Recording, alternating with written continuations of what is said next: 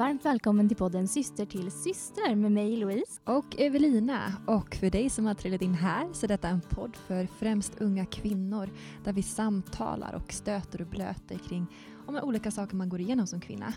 Så varmt välkommen hit. Nu kör vi. kör vi.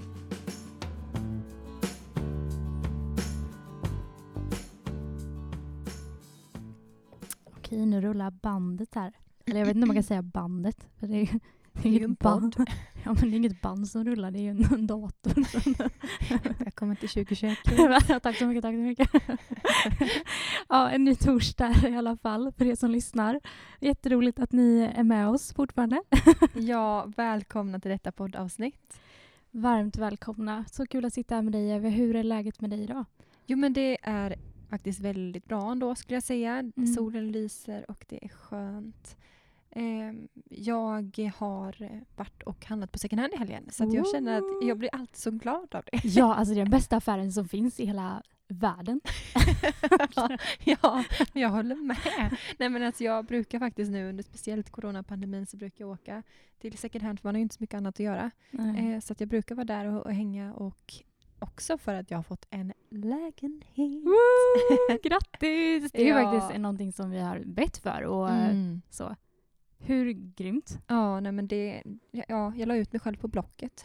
Oj, det låter inte så bra. Låter värre än vad det är. Vissa var dåliga. Ja, men viss dålig respons, men Ja. sen så var det en kille som hittade mig. Oj, wow. Som faktiskt erbjöd mig att få bo i hans lägenhet eh, Ja. ett år. Så att, och det var verkligen det jag ville ha. Själv då eller? Ja, själv. alltså inte med honom. Viktigt att betona. Han ingick inte i köpet. Eller i hyran. Blocket och dating sites.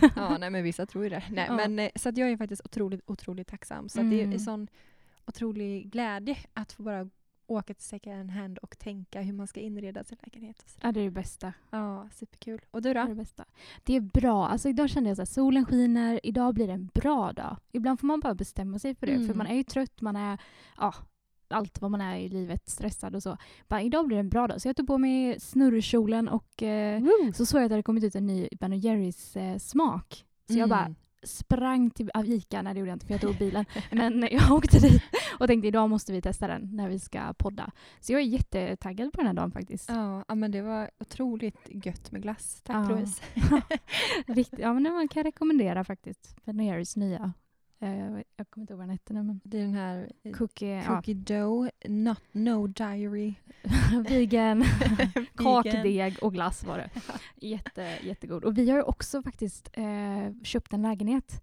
Eh, Ja, det är fantastiskt. Ja men det är så stort tacksägelse. Så vi håller på att preppa för det också och kika på grejer till det. För det. er som inte har hängt med på det kan vi också säga det att Louise kommer ju flytta till Malmö med sin familj. Ja, det kommer jag.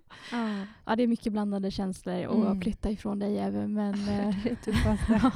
men vi är också taggade på det som kommer hända i Malmö. Eh, Min man har ju fått en ny tjänst som ungdomspastor och Mm. vi, ja, men vi är taggade på att flytta ner nu och börja ett, våra nya liv där på ett Mm. sätt. Ja, det är spännande vad Gud Ja. leder en på för vägar. Verkligen äventyr ser vi Mm. det verkligen som nu. Men idag så ska vi snacka om att vara kristen i skolan och på arbetet. Precis, jättespännande och relevant Mm. framförallt för många går i skolan och många har ett arbete. Även fast eh, situationen just nu kanske ser lite annorlunda ut. Att man Mm. kanske inte är på skolan riktigt fullt lika mycket som man var förut. Och även på arbetet jobbar man många hemifrån. Men ändå, det är någonting som många påverkas av. Hur man då ska vara kristen i en miljö där det faktiskt också kan vara tufft och en hård miljö och där man Mm. kan bli ifrågasatt av, eh, av den tro man har. Mm. Ja men verkligen. Det är ju, alltså man är ju bland många olika typer av människor. Några har vi säkert haft många kristna omkring sig i sin klass och några har varit ensamma.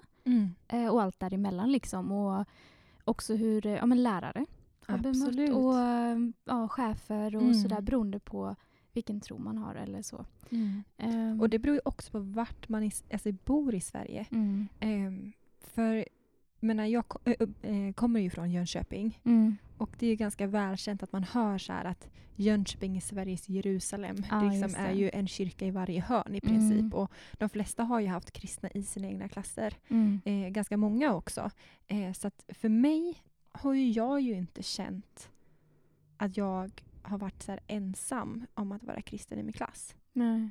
Eh, jag är ju uppvuxen i Bankeryd, gick på Attarpsskolan och sen så Per Brahe-gymnasiet i Jönköping. Mm. Och det har alltid varit kristna i min klass. Ja. Vad gött. Hur har det varit tycker du? Alltså det har varit en otrolig trygghet många gånger. Men Mm. samtidigt, jag vet ju inte hur det är att inte. Nej. Alltså det är min enda verklighet. Ja. Och, det, och det är kanske någonting man tog för givet många gånger också. Att när de här diskussionerna kom så behövde man aldrig stå ensam. Nej, just det. Men däremot så tycker jag också att eh, eh, det blir typ så normaliserat för även de okristna att ha så många kristna i klassen. Att det typ inte blir så ny, alltså de blir inte så nyfikna längre. Just det. För att det är inget nytt. Mm. Och det är inget konstigt. Utan det är så här, de är vana vid att ha kristna i sin klass. Så att det blir nästan att intresset svalnar känner jag. Just. Var det så fördomsaktigt typ kände du? Eller ja, men de där de är de kristna? Eller att det blev typ en grupp? Eller var det liksom att nej, det... Nej, alltså lite kanske. Eh, sen kan det vara bara att jag hamn, alltså, lyckligtvis hamnat i klasser som ändå har varit ganska accepterande. Mm. Men jag har ju aldrig känt liksom att folk har tittat snett på mig för att jag är kristen. Just. Eh, speciellt inte kanske så eh, på ja, men grundskolan, högstadiet. Jag var ju mobbad men det var liksom inte utifrån den aspekten att jag var kristen. Mm. Eh, utan när jag har inte riktigt känt att jag har blivit nedtittad för att jag varit kristen. Eh, Sen kan man absolut bli ifrågasatt. Men det, Mm. det har ju inte varit utifrån hat liksom, på det otroligt liksom, destruktiva sättet. Liksom, eller, ja, nej. Jag vet inte, hur har det varit för dig? Men jag kom ju från Götene då, från början. från Slätta. Och, Slätta. precis. så, och jag, tror, jag vet inte ens om min gamla skola finns kvar, men den hette Västerbyskolan då när jag gick Mm. på högstadiet. Och sen gick jag Katedralskolan i Skara. Eh, på Västerby så hade jag många klasskompisar som jag följde med sedan dagis. Jag gick på ett kristet dagis. Mm. Eh, så vi var ett gäng i klassen som var kristna och liksom ehm, ja, men vi hade en e- kristen skolgrupp och som jag ja, men hängde på och sen blev jag ledare för den och så. Och vi delade ut biblar på skolan och det var så här, men det var inte konstigt, klart det var fördomar och sådär men vi var också väldigt engagerade i ungdomsarbetet och då var det nästan att vi drog med klassen dit istället. Mm. Så det Vad blev, gött. ja, men det var liksom normaliserat och det var ett gött hängställe att hänga i kyrkan och det blev mer den kulturen. Mm. Så väldigt lyxigt så. Men såklart att ibland var det ju på men framförallt sådana SO-lektioner och sånt där där det var religionsfrågor. Då, man, Mm. Då kunde det bli så här, dels från lärare och från även klasskompisar som liksom ville Ja, men typ, jag vet inte om man kan säga sätta dit den. Ville, Mm. ja, men de ville väl, de var väl nyfikna men det kunde uppleva alltså, som lite så här, jag vet inte mobbing men ja, de ville i alla De fall. gick ganska hårt på ja, kan jag precis. känna ibland. I, som du säger just när man hade, religionskun- eller, hade religion i skolan. Ja, Då var det Precis. som att eh, hälla bensin på elden. ja, men Det var... chans att så här, ja men är det verkligen på riktigt eller är det Mm. bara så här, ja. Mm. Och sen hade vi faktiskt, första året jag gick på högstadiet så hade vi en kristen rektor. Och det var Mhm. väldigt bra när vi skulle dela ut biblar. Det. Andra året så kom det en ny rektor och hon tyckte inte om att vi hade en kristen skolgrupp. Mm. Ny generationsgrupp då. Utan hon sa nej, ni får dela ut eh, biblar men det får vara efter lektionstid i så fall. Vi bara Mm. okej, för det, första året hade vi gått in i klassen och liksom fått visum och bläddrade och vi, så.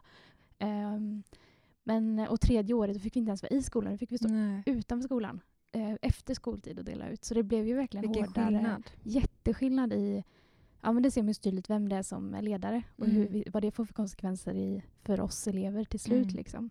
Det är så gött ändå så här, när vi ändå pratar om ny generation. Då. Vi hade ju också en sån sto- skolgrupp på um, min skola där jag gick, Attarpsskolan. Och Mm.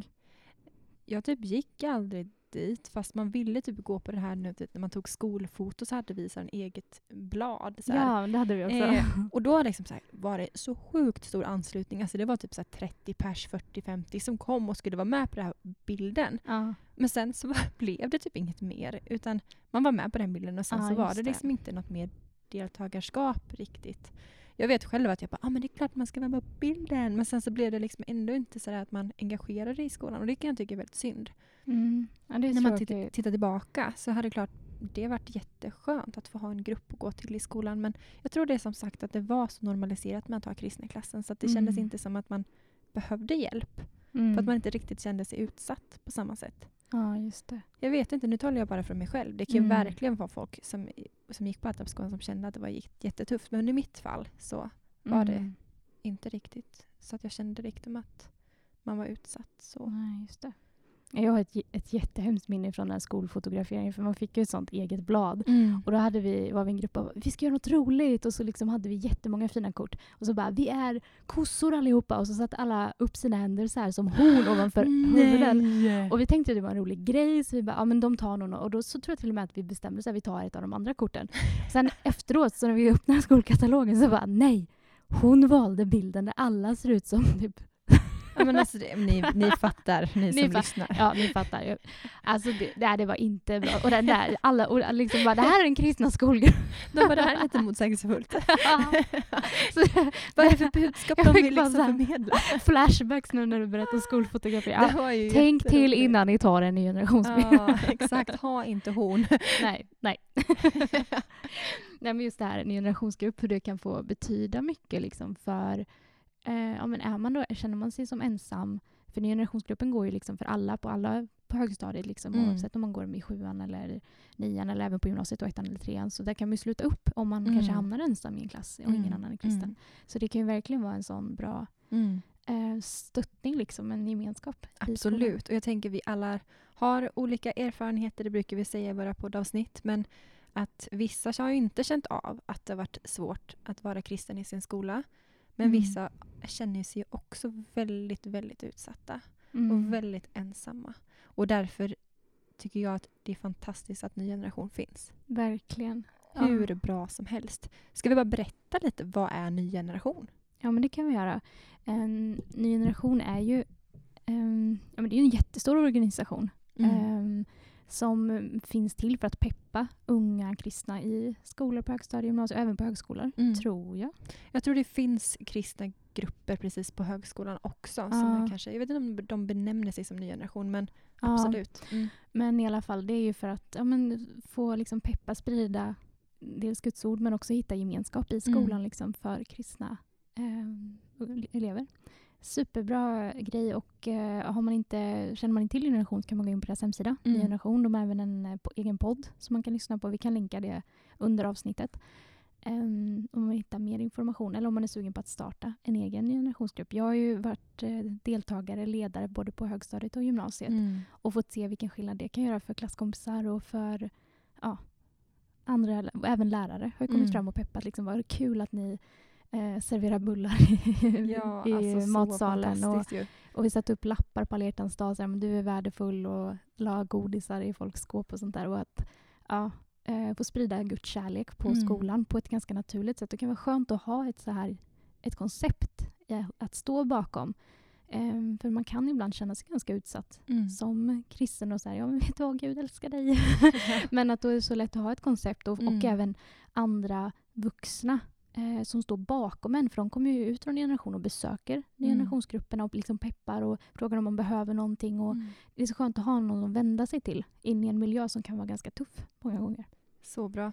Men visst hade vi lite vittnesbörd från ny generation? För de, har ju, de finns ju på Instagram och Mm. har som sagt en egen hemsida. Men där har vi ju hittat lite vittnesbörd just för människor som berättar hur det är att vara kristen i sin klass.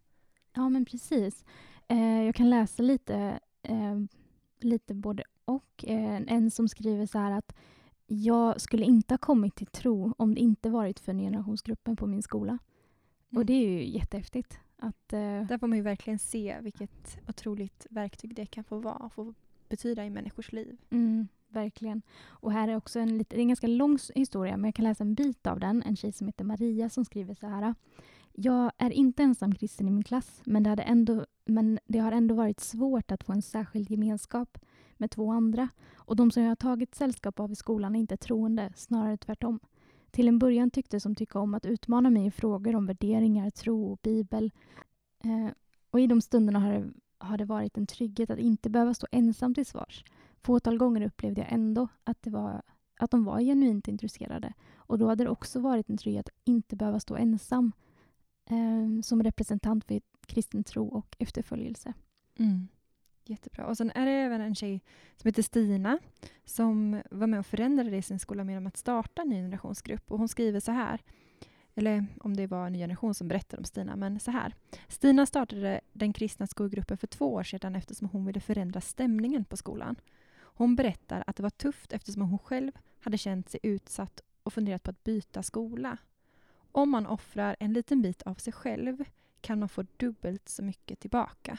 Otroligt strångt måste jag säga av Stina Verkligen. att hon var redan kanske på väg i tanken att byta skola men då fick hon vända det och bara, nej men jag kan få vara med och betyda någonting in Mm. i min situation.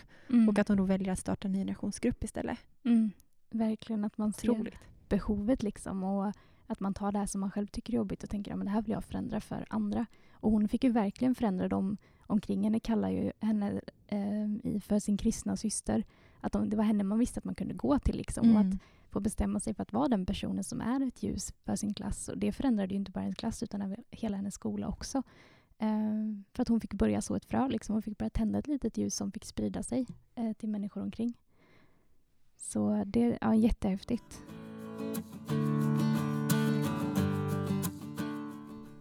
Jag vet inte, det kanske finns någon som lyssnar på det här poddavsnittet som känner att ja, men jag är ensam i min klass av att, om att vara kristen. Och mina vänner står på och säger jag att de vill att man ska följa med ut på fester och kanske vill att man ska dricka och att man ska eh, ja, men, eh, skvallra, prata skit. Hur hanterar man en sån situation om man känner själv att men jag, jag är ju kristen och jag vill inte göra detta men det är tufft eftersom alla andra av mina vänner gör det. Hur ska man göra då? Men som jag kommer ihåg det så är ju liksom högstadie och gymnasietiden en tid då det är mycket grupptryck eller så och ja, mycket, mycket skitsnack och liksom det är mycket ja tyvärr är det ju den kulturen där som jag kommer ihåg det som starkast liksom. Och ja men man ska ju komma liksom på vem man är och man ska ja och det är inte alltid så himla lätt och då är det ju lätt liksom att ja, mina kompisar är ju så här då kan jag också lika gärna göra det.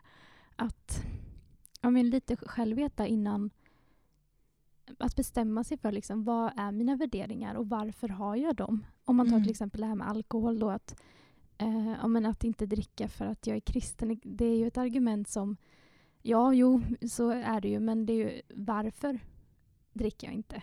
Eh, det, Bibeln säger inte att vi inte ska dricka alkohol men att vi inte ska bli berusade till exempel.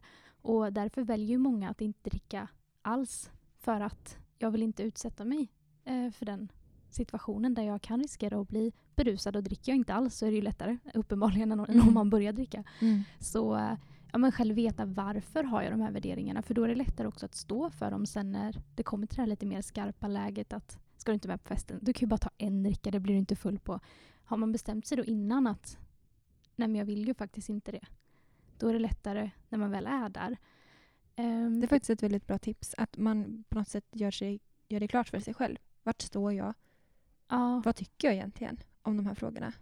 Precis, för att ja, men, ja, du vara så där tråkig kristen och inte hänga med på det här? Alltså, typ sådana kommentarer får, kan man ju ändå få. Liksom, och att då, ja, då vill man ju inte vara det såklart. Men har man då en, an, en anledning till varför man gör som man gör och vet om den, då tror jag det blir lättare att argumentera ehm, ja, men för sin sak liksom, och veta vad, hur man vill agera i den situationen. Också det här med skitsnack. Jag vet, alltså, när jag gick på högstadiet då var det väldigt mycket sånt. Och, eh, ja, där vet jag att vi det var ett gäng kompisar som sa men vi vill inte ha den här typen av alltså, gemen, vi vill inte ha det här snacket i skolan eller Mm. liksom i kyrkan eller bland, alltså att vi gick hem till folk och snackade skit om andra. Alltså, vi vill inte ha det, så då bestämde vi oss för när man börjar snacka skit, när man börjar snacka skit då säger vi nej men vi behöver inte prata om det här. Att lite Mm. tänka så här, också då att skulle jag kunna säga det här om personen står bredvid? Mm. Ehm, och liksom alltid tänka det i den situationen när man pratar om någon annan. Mm. Skulle jag vilja att den här personen hörde det? Mm. Också ha det som en värdering bestämt innan. Ehm, Och en annan strategi i den situationen, även fast det är klart att det är alltid bra att kunna säga så här, nej, vi, nu vill vi inte göra det här, vi vill inte prata om det här, att man säger det rent alltså Mm. fysiskt med ord. Så det är bättre att vara tyst i en sån situation. Eh, att inte hänga på i skitsnacket. Utan Ja, att man faktiskt då precis. bara bestämmer sig att nej, men jag ska inte hänga på, jag säger ingenting. För Mm. det är bättre att inte säga något än att dras med i det. För många gånger kan det vara extremt tufft att säga ifrån eller säga nej men vi gör inte det här för man kan också vara den som är ensam i den situationen. Mm. Men då är bara mitt tips så här, men snacka inte själv. Ja, eller gå därifrån. Eller gå därifrån. Mm. Det finns ju många olika strategier man kan ha för att kunna undvika sådana situationer. Mm. Precis. Och um, ja, men vikten av det här att vara krist, ha en kristen gemenskap. Um, vi har ju haft det bra på det, sätt, på det sättet att vi har haft andra personer som har kunnat lite backa oss om man har hamnat i en sån situation att ja, men jag är i alla fall inte ensam. Men alla har ju inte så. Vissa är verkligen helt ensamma i sin klass eller i ja, var man nu befinner sig med att ha en kristen tro och ingen att falla tillbaka på i sådana här situationer när det kanske blir sådana ja, men kränkande kommentarer eller så. Och jag läste en artikel faktiskt om det eh, som vi kan länka också. Att eh, det stod det så här, varannan kristen ungdom upplever sig kränkt för sin tro då i, i skolan. Och det är ju det är väldigt många personer som vi, vi pratade lite om det innan också, det här med att är man Alltså, många blir ju kränkta men har man då ett, några som backar en så kanske det inte är lika tufft som om man Mm. står själv. Mm. Men det är ju ändå liksom, ja, det är ju ändå tufft liksom. Det är det. Och jag vet själv att jag blev kränkt, eller inte bara jag men alla kristna i klassen, liksom, när en lärare då på gymnasiet målade ut kristna som att vara lite konstiga och säger i princip till oss kristna i klassen så här, ja, eh, om det finns nog några kristna i klassen, för det är ju liksom inte någonting som man vill vara i princip. Mm. Och att man bara säger men kära någon, han ska vara lärare, han ska vara neutral och Han ska vara vuxen liksom. Han ska och vara vuxen. Inkludera och... Exakt. Och det är inte kanske så att man skulle bli förvånad att höra det av en klasskompis, men en lärare dessutom. Mm. Jag vet att jag bara så här brann inombords. Jag blev så upprörd. Och sen så var det bara att man satt tyst. Och samtidigt så kan jag inte heller blamea mig själv för att jag satt tyst. För det är jättesvårt att stå emot och ställa sig och säga Ja. vänta nu, vad är det du menar? Mm. Eh, för det också är en lärare. Ja, men det är en Ehm. jättetuff situation. Och det Mm. var faktiskt många i den här artikeln som hade upp, alltså sagt just det att ja, men jag blev mobbad av min lärare Mm. för min tro. Och man blir så, alltså man blir så arg. Mm. Man bara? Hur kan det hända liksom? Hur Ja. kan en som ska vara en förebild och värna om elevers hälsa och mående och som ska vara neutral på det sättet att alla ska vara välkomna kan liksom kränka en inför hela klassen? Mm. Det ska, det ska inte förekomma liksom. Nej, men det förekommer. Det är Ja. så världen ser ut. Och det ser vi i många delar av samhället att kristna blir behandlade på ett sätt som kanske inte är så respektfullt många gånger. Mm. Det finns förföljelse. Vi, vi bor ju ändå i ett land där man inte blir... Man, vi kommer troligtvis inte bli dödade för vår tro. Det är ju många länder där man faktiskt blir det. Men här är det ju en annan typ av förföljelse med kränkningar och med utanförskap. Och, alltså, de bitarna de finns ju fortfarande. Även om vi kanske inte kommer till fysisk skada på det Mm. sättet ofta så är det ju ändå just det här psykiska Mm. som finns. Och då tycker jag det är värt att nämna att vara kristen har Gud aldrig sagt kommer vara enkelt. Nej. Alltså det finns någon, ett ord där det står att vi ska bära vårt kors. Mm. Och det innebär att när vi lever våra liv så finns det också väldigt mycket utmaningar och prövningar. Eh, Jesus blev ju korsfäst. Han blev ju så utsatt för att han stod på sig och ville liksom sprida kärlek. Och det är tufft att vara kristen. Och det är stormigt men Gud har sagt att han vill vara med, vara med oss i stormen och se till så att vi blir rotade så att när stormarna kommer då så ska vi inte blåsa omkull utan att vi ska växa neråt och uppåt då för att få stabilitet. Mm. Det är så konstigt när man kommer med sanning, när man kommer med kärlek, när man kommer med det som är gott, så ser människor det och känner det där ska vi korsfästa, det där ska dödas, det där får inte finnas. Och man bara, men det är så bisarrt, men det är Mm. så många reagerar när man säger att du är älskad, du är Mm. älskad av Gud.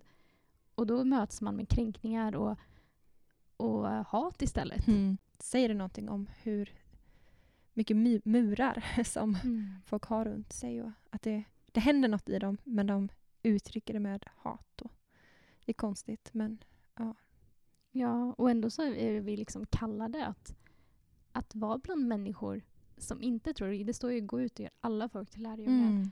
Sprid Guds kärlek. Och liksom att vara bland de som inte känner Gud.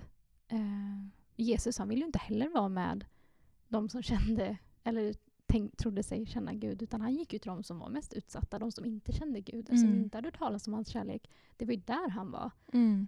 Och eh, ja, spred ljuset. Liksom. Det är ju oftast inte ljuset som behöver ljus utan det är ju mörkret ljuset behöver finnas. Mm. Ehm, Det är dit vi ska gå. Liksom. Mm. Men då får man också vara med på att det är mörkt där. Mm. Jag vet också fantastiska samtal som jag har fått ha i skolmiljö med mina människor. Eller mina människor. Dina egna. Vet jag har ju Människor. egna människor. Nej, Som men- mina. Som jag. mina klasskompisar och som verkligen har fått vara otroligt givande och där jag förhoppningsvis genom Guds kärlek och omsorg kan ha fått så ner flö- äh, frön i deras liv då. Ja. Eh, Så vi ska inte vara rädda för att ta de stegen på egen hand också. Nej. Nej, men om man tar skolan så, så kanske man är den enda bibeln som ens kompisar får läsa. Det pratar de om mycket på generation, ny generation vet jag då att ja, men man kanske är den enda bibeln man får läsa. Och man behöver ju liksom inte komma upp och trycka upp en bibel i någons Nej. ansikte och bara Jesus! Men, utan man kan också liksom i handling eh, få visa på Guds kärlek. Det kan ju ofta säga mer än tusen ord. Ja, ja, Att liksom visa så här, eh, jag vet inte, hålla upp dörren för den där kompisen som ingen brukar prata med eller sätta sig vid den som är ensam. Det var ju så Jesus gjorde. Och att vi kan få göra likadant i det här lilla, få älska människor, att det kan få vara ett större vittnesbörd än att läsa Bibeln rakt igenom högt. Liksom. Mm.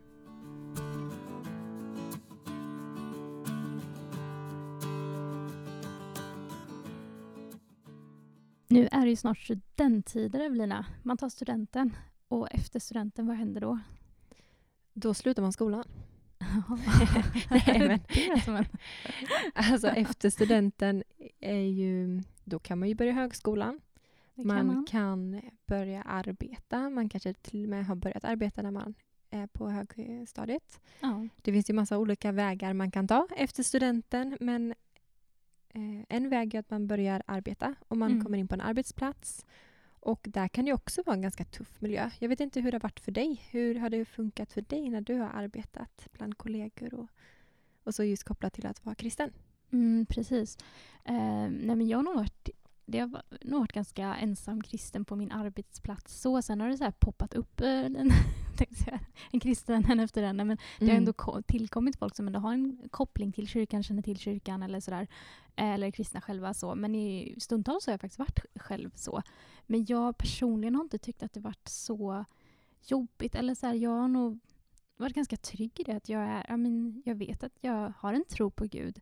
Och sen har jag inte gått och sagt och skrikit det liksom på lunchrasten till alla utan det har kommit fram ändå. Liksom. Och Mm. då har jag fått frågor eller, så här, eller antaganden och eh, folk som har varit nyfikna. Så där, då har jag fått börja prata om det. Men eh, jag har nog inte upplevt det som ett eh, jättestort problem eller så. Men jag tycker det är ganska roligt att prata tro också. Så det ska man veta om att ja, jag har inte så stort problem med just att snacka tro med främmande människor. Mm, Du mm. då? Eh, ja, jag måste typ tänka lite. Det är ju så många år nu sedan man började. Sen man tog student. Precis. Eh, nej men eh, jag har inte heller haft något problem att snacka tro Mm. någon gång i mitt liv. Jag har nästan tyckt att det varit lite så spännande och Mm. inspirerande för att det händer mycket i samtalen med människor också som ger mig väldigt mycket. Men eh, efter jag slutade skolan, efter studenten så sökte jag in till bibelskola. Mm. Och jag kände ändå att det var väldigt skönt att få med sig så mycket grunder och så mycket verktyg. För sen då när jag började arbeta efter mitt bibelskoleår så, år så kände jag mig väldigt rotad och trygg i mig själv när folk ställde frågor. Mm. Och kände inte att det var så jobbigt att vara ensam kristen på min arbetsplats. Mm. För det var jag. Eh, och det var lite ovanligt för mig. För jag hade ju som sagt varit i, kris- alltså i klasser där det fanns många kristna. Mm. Så det var en helt ny erfarenhet för mig. Där var jag i princip den enda som var kristen. Mm. Eh, och jag vet att eh, det var ja, men mycket snack och lite hån mot kristna. Mm. Jag var på en julfest där de gjorde nära av Jesus. Liksom, och det var otroligt smärtsamt. Men Mm. jag kände mig också väldigt trygg att hur jag fanns där ändå och Mm. fick visa på något annat. För jag behövde inte alltid säga det. Men jag kunde bara få visa på Guds kärlek istället. Mm. Och det, jag tror det ligger en nyckel i det. Att vi behöver inte alltid pressa fram massa svar Nej. och ha svar på alla konfron- konfrontationer som vi får. Utan jag tror många gånger så kan vi bara visa på genom vilka vi är och genom den kärlek vi har fått uppleva. Så kan Mm. vi få visa kärlek till andra som Mm. berör och som visar på något annat. Mm. Ja men det kan jag faktiskt också känna igen just det med alltså after work och de här bitarna när man är lite utanför arbetsplatsen men ändå med sina kollegor typ. Och eh, det börjar, ja men alkohol är ju igen ofta vanligt eh, på after work i alla fall där jag har arbetat. Och ja, men folk blir lite annorlunda med alkohol i kroppen, så är det Mm. ju. Och eh, man beter sig lite annorlunda och eh, där blir, där blir det mer så här, men ska inte du också ha? Och, eh, sådär. Men det har vi ju pratat om innan just där. Ja, är man tydlig med det man står för så är det oftast inte så mycket frågor efter det. Men Mm. Det, det är ju en, en arbetsmiljö på ett sätt då blir det. Det är ju inte i arbetet men det är ju ändå kopplat till arbetet som kan vara lite utmanande. Mm. Men superutmanande. Och som sagt, ett, en stor hjälp till mig var just för att jag hade gått bibelskoleåret innan. Mm. Jag tror det hjälpte mig väldigt mycket att hålla fokus och hålla kurs. Mm. Eh, för att någonstans så hade jag fått med mig så mycket verktyg och redskap för att jag kan springa tillbaka till Gud, springa Mm. tillbaka till, till Jesus och veta vart mitt hem är. Mm. Även fast det är mycket svårt runt omkring. Och det är någonting jag också har lärt mig i mitt liv att när vi går in med en ödmjukhet och en Mm. acceptans över att vi är olika och vi Mm. står på olika plan och att min inställning är inte att övertala dig att bli kristen här och nu. Liksom. Nej, nej, inte alls, utan det är bara en nåd ifall det skulle hända. Men att om jag accepterar dig för den du är så blir det mycket lättare för mig också att påvisa Guds kärlek. Mm. Eh, Så att vi ska inte gå in med liksom dunder och brak och med, med svärd och med liksom massa, så inte för att vi går in med svärd men jag tror ni fattar vad jag menar. Vad jobbar du med Ja. Nej men alltså att det blir så dumt om vi går in med att vi ska argumentera och försöka övertala någon på plats om att nu ska du bli kristen. Ja, nej, aldrig. Det är väl en så grundgrej Mm. man kan ha med sig. Att, nej, men, det är bara att dela och berätta. Mm. Och sen är det fantastiskt att få bara plantera ett frö av Mm. tankar och frågor i den personens hjärta som man ja, pratar med. Dem, men aldrig just det här påtvingandet. Som, det är jätteviktigt det som du säger. Mm. För det, det är inte det man är ute efter. Utan man, Nej. man eh, vill ja, bara väcka tankar och det kan i sin tur få växa till nya frågor och nya funderingar om liv och tro och så. Mm. Alltså jag måste också bara få dela ett vittnesbörd, egentligen två som har gått ihop i ett nu så på senare tid. Att Mm. när jag har haft samtal med eh, två stycken arbetskollegor, eh, egentligen från två olika år, Mm. så har båda sagt så att ja men Evelina, jag är inte kristen eller så, men ibland så på kvällarna när jag går och lägger mig så brukar jag tacka Gud för allt det fina jag har i mitt liv. Mm. Eh, för att det hjälper mig att sova bättre på nätterna. Just det. Eh, jag drömmer inga mardrömmar när jag ber och tackar Gud Mm. innan jag går och lägger mig. Men jag är inte kristen. Nej, just det. Obs, obs. men jag tycker bara att det är så fint. Och jag bara så Ja. kände det själv, bara, men wow! Vilka sanningar de sitter med. Och Ja. saker som de har insett som kanske inte ens kristna, som be- benämner sig som kristna, har insett att det Mm. finns kraft i tacksamhet. Ja. Så att jag lär mig ju också väldigt mycket av dem. Mm. Eh, människorna som då säger att de inte är kristna och inte har någon tro. Så i samtalen med människor så föds det fantastiska samtal och sanningar och någonting som vi alla kan ta med oss. Ja, men det är så viktigt att vi kan verkligen lära oss av varandra. Vi har själva inte alla svaren utan vi lär oss hela tiden, varje Mm, dag, av mm. varandra. Liksom. Precis. Vi tycker att det är ganska roligt att prata om tro och har ganska lätt för det. Men om man skulle liksom ha, sitta på en längtan av att jag vill prata mer tro med mina klasskompisar eller mina arbetskollegor. Vad har du för liksom konkreta tips då till den personen som kanske lyssnar? Mm. Som sagt så tror jag det är bra att gå in med en inställning att man inte ska peka finger. Mm. Man ska inte vara den som säger att du gör fel. Eh. Utan att det finns tre stycken nyckelord som jag brukar tänka på när jag pratar tro med människor. Mm. Let's hear. Yeah. Nej, men det är att belysa Guds kärlek. Mm. Och det kan man göra på olika sätt. Genom uppmuntran till den personen, genom att bekräfta, genom att se. Eh, också då om de konkret vill höra om vem Gud är. Mm. Betona kärlek Mm. och betona även förlåtelse. Att Jesus dog för oss och han, ja, men han tog allt på sitt kors. Och att det spelar ingen roll vad man har gjort. Liksom. Eh, Mm. och att vara en förlåtande individ, en person som lyser förlåtelse är också väldigt fint att få tala och vittna om vem Gud är. Mm. Att om den skulle göra något mot dig så, ja, förlåt. För det är ju det som Gud vill att vi ska visa. Mm.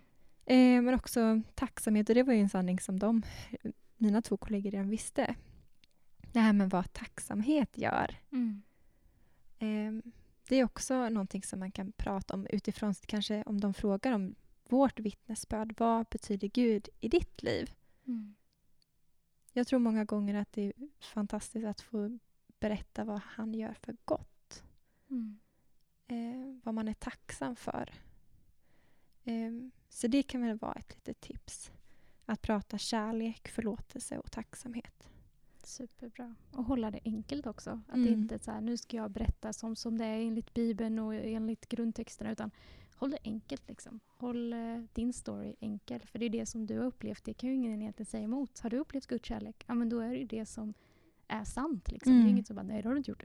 det kan vi inte säga. Utan det är ju det som är, är sant. Eh, så håll dig till det som är enkelt. Det som är sant och det som du har upplevt. Liksom. Och sen behöver vi verkligen inte heller ha alla svar. Nej. Oh nej. Vi gör inte alla svar. nej, nej, nej, nej. Och vi har säkert glömt mycket i den här, Ja. det här avsnittet om just att prata skola och tro. Men om någon frågar dig en fråga som du bara oh, tjena, den här var svår. Jag vet inte vad de sa i Gamla Testamentet om det här. Var ärlig med det istället då. Ja. Vi behöver inte säga att vi kan utan att vi inte gör det. Utan var istället och säg så här, nej men det här måste jag faktiskt kolla upp. Ja, kolla med min pastor eller vad som helst. Och det är bättre att säga det, jag vet inte, än att försöka hitta på något. För det genomskådas ganska lätt när man Mm. försöker ja, hitta på något man inte vet egentligen. Liksom. Exakt, så att vara bara ärlig. Eh, och man kanske till och med kan få vara med och leda en människa till någon som faktiskt har mer koll. Någon som är mer, kanske har mer den, under, alltså den kunskapen. Mm. Men vet du vad, du borde prata med min ungdomspastor. Han är grym på det här. Mm. Jag skulle kunna vara med, du skulle kunna följa med mig på fredag till vår ungdomssamling. Mm. Eh, så skulle vi kunna snacka med honom om just det här ämnet. Ja. Det finns ju så många bra sätt att göra det på. ja, men verkligen. Så vi har ju pratat om det här med att det, är, det kan vara tufft att dela. Eh, det kan vara tufft att vara kristen. Eh, men Gud sänder oss aldrig på ett uppdrag som vi inte kommer kunna klara av. Nej. Eh, och det här temat för den här eh, podden, eh, den, här, den här säsongen, är ju växtkraft. Och när man är i ett hårt klimat, när man är i ett mörkt klimat och ska växa, då är det viktigt med rötter som går djupt ner i marken. Och när vi utmanar oss, då växer våra rötter ofta starkare. När vi utmanas. Ehm, och de rötterna är ju det som vi håller fast i sen. Mm. De som stärker vår tro i, i grunden. Liksom. Mm, precis. Eh, och, att, eh, och att för att kunna växa sig ner starkare så är det också fantastiskt att få lägga sina vänner, sin situation i Guds händer, även behind the scenes. Det är viktigt vad vi fyller oss med och att det är viktigt att be eh, hemma liksom för att orka klara av sin, sin situation. Eh, bön, det händer någonting när vi ber. Mm. Eh, och vi får liksom bensin så att vi klarar av att rulla framåt. Mm. Och så att vi kan nå ut till människor. Och jag vill bara skicka med liksom att bönen, det finns så mycket kraft i det. För Mm. vår egen del att klara av eh, situationer och eh, ja, men händelser som vi mö möter i vår vardag. Eh, men också att Gud han kräver liksom inte att vi ska prestera. Nej. han säger inte Evelina nu måste du gå ut och tala om för mig. Eller för, för mig, alltså tala om för andra om mig. Helst Mm. tio stycken idag Mm. för att jag ska bli nöjd. Nej. Så funkar det inte med Gud. Utan att om det blir krampaktigt, om du känner bara så här, prestation, jag måste berätta. Så Mm. blir det ofta inte så bra. Utan låt det få födas av genuin kärlek och längtan att din vän, din kompis ska få uppleva Gud. Mm. För då, då tror jag att det landar rätt och det blir lättare för Gud att leda i den processen också. Mm. Ja men verkligen. Jag tror att man kan bli använd var man än är, vart man än hamnar. Bara Mm. man har just den här längtan efter att ja, men jag vill bli använd av Gud idag. Gud, Mm. vad vill du att vi ska Mm. göra idag?